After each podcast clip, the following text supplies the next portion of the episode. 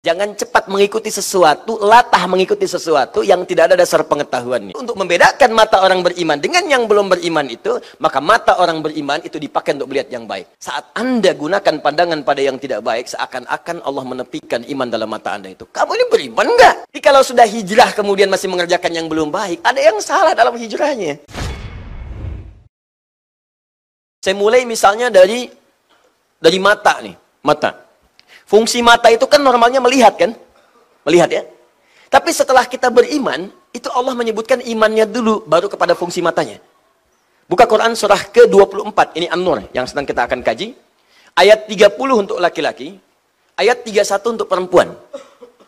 Kata Allah, "Kullil mu'minina yaghuddu min absarihim." Katakan pada pria-pria yang telah merasa beriman, punya iman. Padahal mudah bagi Allah mengatakan misalnya fungsi mata itu melihat selesai. Tapi yang paling menarik setelah beriman, imannya dulu disebutkan, baru fungsi matanya. Ya min absarihim. Kata Allah, matanya itu hanya akan dipakai untuk melihat yang baik-baik. Ghaddul basar itu memalingkan dari yang tidak baik. Kalau yang tidak baiknya dibuang, yang sisakan cuma baik ya kan? Baik, lawannya tidak baik. Memalingkan yang tidak baik, artinya kita hanya melihat yang baik. Ayat 31 untuk perempuan. Ya wa kullil mu'minati yaghdudna min absarihinna. Dan katakan pula pada perempuan-perempuan yang telah merasa punya iman. Itu indah sekali.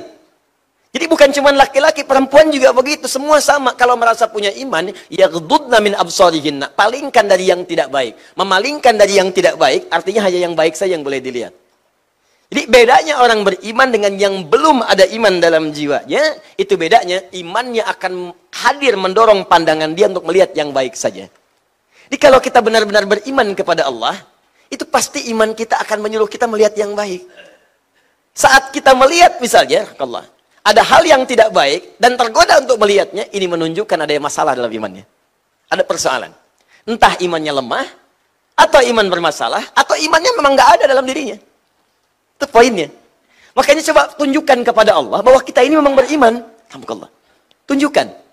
Jadi kalau ada tayangan yang tidak baik itu muncul di hadapan kita, itu di antara ujian dari Allah datang kepada kita untuk bisa menguji iman kita itu masih ada apa enggak.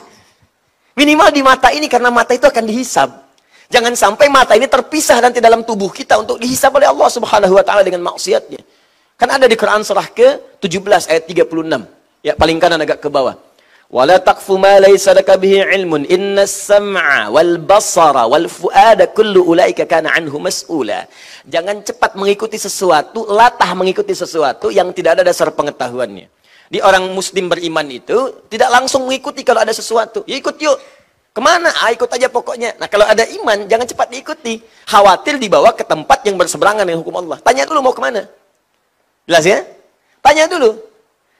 Ah, inna sam'a sungguh pendengaran itu, wal basara penglihatan itu, wal fuada dan akal, pusat penyaringan informasi. Kullu ulaika kana anhu mas'ula. Satu saat akan ditanya oleh Allah, dipertanggungjawabkan. Nah, karena itu untuk membedakan mata orang beriman dengan yang belum beriman itu, maka mata orang beriman itu dipakai untuk melihat yang baik. Kalau bahasa tajamnya, saat Anda gunakan pandangan pada yang tidak baik, seakan-akan Allah menepikan iman dalam mata Anda itu. Kamu ini beriman enggak?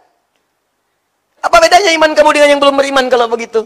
Saya turunkan ayat-ayat iman untuk menjaga kualitas kebaikanmu. Kamu pakai pada yang tidak baik. Lantas apa bedanya kamu dengan mereka yang belum beriman? Tuh, itulah ayat madaniyah, itulah ayat hijrah. Ya, jadi kalau orang sudah hijrah itu jadi baik. Itu cara memahaminya demikian. Kalau periode Mekah banyak yang belum baik karena menguatkan tauhid. Ya, banyak. Baru masuk Islam dulu, kuat dulu, bagus dulu, konsistensi dibangun dulu. Makanya ada yang mengatakan beriman, ketika kemudian tiba peristiwa Isra Mi'raj, ada yang goyah imannya, ada yang ragu-ragu dan sebagainya. Tapi ayat Madaniyah beda karena sudah hijrah. Kalau kita tarik ke konteks sekarang, orang hijrah itu komitmen jadi baik. Jadi kalau sudah hijrah kemudian masih mengerjakan yang belum baik, ada yang salah dalam hijrahnya. Cek teman-teman. Tuh, turun mata ke lisan. Buka ayat lisan. Ya, Quran surah ke-49 misal. ya Dari ayat yang ke-11. 11 sampai 12. Iman dulu. Kalau tadi dipisah langsung laki-laki perempuan detil, sekarang disatukan untuk semuanya. Kalau Anda ingin menggabungkan keduanya, maka gunakan huruf al-ladzina. Al-ladzina disebutkan 1080 kali dalam Al-Qur'an. Ya, al-ladzina ismun mausulun yadullu 'ala al-'amiyatil jama'. Ya, isim mausul konjungsi huruf yang menunjuk pada objek keseluruhan tanpa kecuali. Nggak ada batas. Laki-laki, perempuan, besar, kecil, tua, muda. Makanya kalau sudah ada alladzina, sudah mencakup laki-laki dan perempuan. Ya ayyuhalladzina amanu. Hey, orang-orang yang telah merasa punya iman. Semua laki-laki, perempuan, tua, muda, besar, kecil, kaya, cukup semua. Disebutkan 68 kali dalam Al-Quran kalimat ini. Ya, saya panggil kalian. Baik kalian sedang dekat denganku, sedang menengah, sedang jauh. Harfun nida lil qarib mutawassit wal ba'id. Memanggil semua jarak. Ayyuha, ya disebutkan 361 kali dalam Al-Quran. Ayyuha, saya tegaskan, ayyunya munada, haknya tanbih. Saya ingatkan, ayyuha disebutkan 150 kali dalam Al-Quran. Kata Allah, ya ayyuhalladzina amanu. Demikian cara menerjemahkannya. Hei orang-orang yang telah merasa punya iman. Saya enggak peduli, kalian sedang dekat dari saya, menengah jaraknya ataupun sedang jauh dari saya. Sepanjang ada iman dalam dirimu, aku peringatkan. Ha, tanbih. Aku peringatkan. La yashar qaumun min qaum. Jangan gunakan lisanmu untuk mencela orang lain. Jangan saling mencela kata Allah pada yang tidak layak untuk dicela. Jangan mencela. Jangan sibuk seketika gitu. Di iman kita itu akan menjaga kita dari perbuatan tercela termasuk mencela sesuatu yang memang tidak harus dicela. Berselisih, saling menghina itu kan bagian dari celaan. Menghina celaan. Ayo. Saling berselisih, umpatan itu celaan. Kalau perbuatan yang sudah tercela, dicela perbuatannya boleh, tapi kepada orangnya pun itu dihindari. Ini, ini rahasia ya, di antara kita saja. Itu saking istimewanya Al-Quran. Seburuk-buruknya manusia, dengan perbuatannya, itu umumnya oleh Allah namanya masih ditutup. Nama baiknya ditutup. Namanya. Yang dicela perbuatannya. Contoh, ibu kenal Fir'aun? Hmm. Bagus. Kalau ada yang kenal, saya pulang deh. Siapa itu gitu ya? Fir'aun itu, itu kan bukan nama asli bu, Pak. Bukan nama asli. Abu Lahab bukan nama asli. Yang dicela oleh Allah perbuatannya.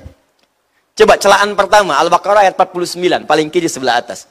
Wa idh najjaynakum min ali fir'auna yasumunakum su'al adzab yudzabbihuna abna'akum wa yastahyuna nisa'akum. Tuh. Dan pahami dalami, teliti, ingat-ingat dengan baik. Ketika kami selamatkan kalian dari kekejaman Fir'aun dan bala tentaranya. Dan dari pasukannya. Fir'aun, itu gelarnya yang disebutkan, bukan orangnya. Kemudian yang dicela perbuatannya. Yasumunakum su'al azab. Yang menyiksa kalian dengan siksaan yang sangat dahsyat. Apa di antaranya? Yudhabbihuna abna'akum wa yastahyuna nisa'akum. Dia, dia tugaskan Al-Gojo untuk mendampingi setiap perempuan yang sedang mengandung hamil Begitulah laki-laki banting ke tanah sembelih di hadapan ibu yang baru melahirkan dia. Firaun. Firaun. Seburuk-buruknya Firaun itu yang dicela perbuatannya tapi namanya nggak pernah disebutkan. Kenapa? Karena boleh jadi nanti ada orang dengan nama yang serupa tapi dengan perbuatan yang berbeda. Gak semua orang dengan nama itu bisa berbuat yang serupa. Ya, mohon maaf, ada orang misalnya namanya Ali, ada dua Ali, Ali satu, Ali dua. Ali yang ini misalnya pernah berbuat jelek. Ali yang ini misalnya pernah mencuri. Ali yang ini kan tidak. Ketika Anda celak dengan namanya Ali, maka Anda pun akan melibatkan celaan itu pada orang lain yang belum tentu mengerjakan perbuatan serupa. Itu indahnya Al-Quran. Jadi kalau ada orang berbuat salah, jangan orang yang dieksploitasi. Tapi perbuatannya yang diperbaiki. Makanya dalam hukum positif pun termasuk di Indonesia, kalau ada orang berbuat salah, pasti yang disebutkan inisialnya tersangka AM. Tuh. Ya, jarang kan menyebutkan nama orangnya? Ya, tersangka UMR, ya kan? Tersangka misalnya HSI, tersangka APB, selalu inisialnya. Karena boleh jadi ketika disebutkan namanya, orang lain nanti akan teriak, oh nama saya itu. Jangan-jangan saya tersangka. Tidak. Paham ya? Jelas ya? Nah, maka Anda pun kalau membuat inisial-inisial termasuk dari Ustadz, cari inisial-inisial yang baik. Jangan sampai menyebutkan sebuah inisial yang menghasilkan nilai yang tidak baik di dalamnya. Kalau masih baik silahkan. Ya, Ustadz Abdus Somad, UAS, masih baik. Ustadz Bakhtiar Nasir, UBN, masih baik. Ya, Habib Rizik Syihab, HRS, masih baik. Ustadz Adi Hidayat, UAH, UAH, masih baik. Gak ada masalah. Ustadz Yahya Kusmayanto, Uya-Kuya, misalkan, nah itu ganti. Itu nggak usah. Paham ya? Baik. Nah ini ini ini ini kelihatan sederhana, cuman dua tulisan, satu makiyah, dua madaniyah, tapi diamalkan nggak sama kita gitu. Ini celakanya kadang-kadang, maaf, ilmu-ilmu ini, ini cuma jadi sejarah saja yang dihafalkan dan muncul di ujian, tapi terapannya nggak ada. Coba lihat anak-anak kita yang belajar di Fakultas Al-Quran. Ya, jurusan Al-Quran. Dia tahu hatam betul kalau ditanya apa itu makiyah, makiyah, bla bla bla bla. Apa itu madaniyah, madaniyah begini, begini, begini. Tapi aplikasinya nggak ada. Itu yang kemudian patut kita pertanyakan dalam kehidupan kita sekarang. Sederhana tapi dalam sekali. Nah, An-Nur masuk dalam kategori surah madaniyah. Bukan sekedar surah yang diturunkan kepada Nabi pasca hijrah, tapi di dalamnya akan kita dapati hukum-hukum Allah, keterangan-keterangan informasi-informasi dari Allah yang membimbing kita untuk berhijrah sehingga lebih dekat dengan Allah Subhanahu wa taala. Itu poinnya. Jelas di sini?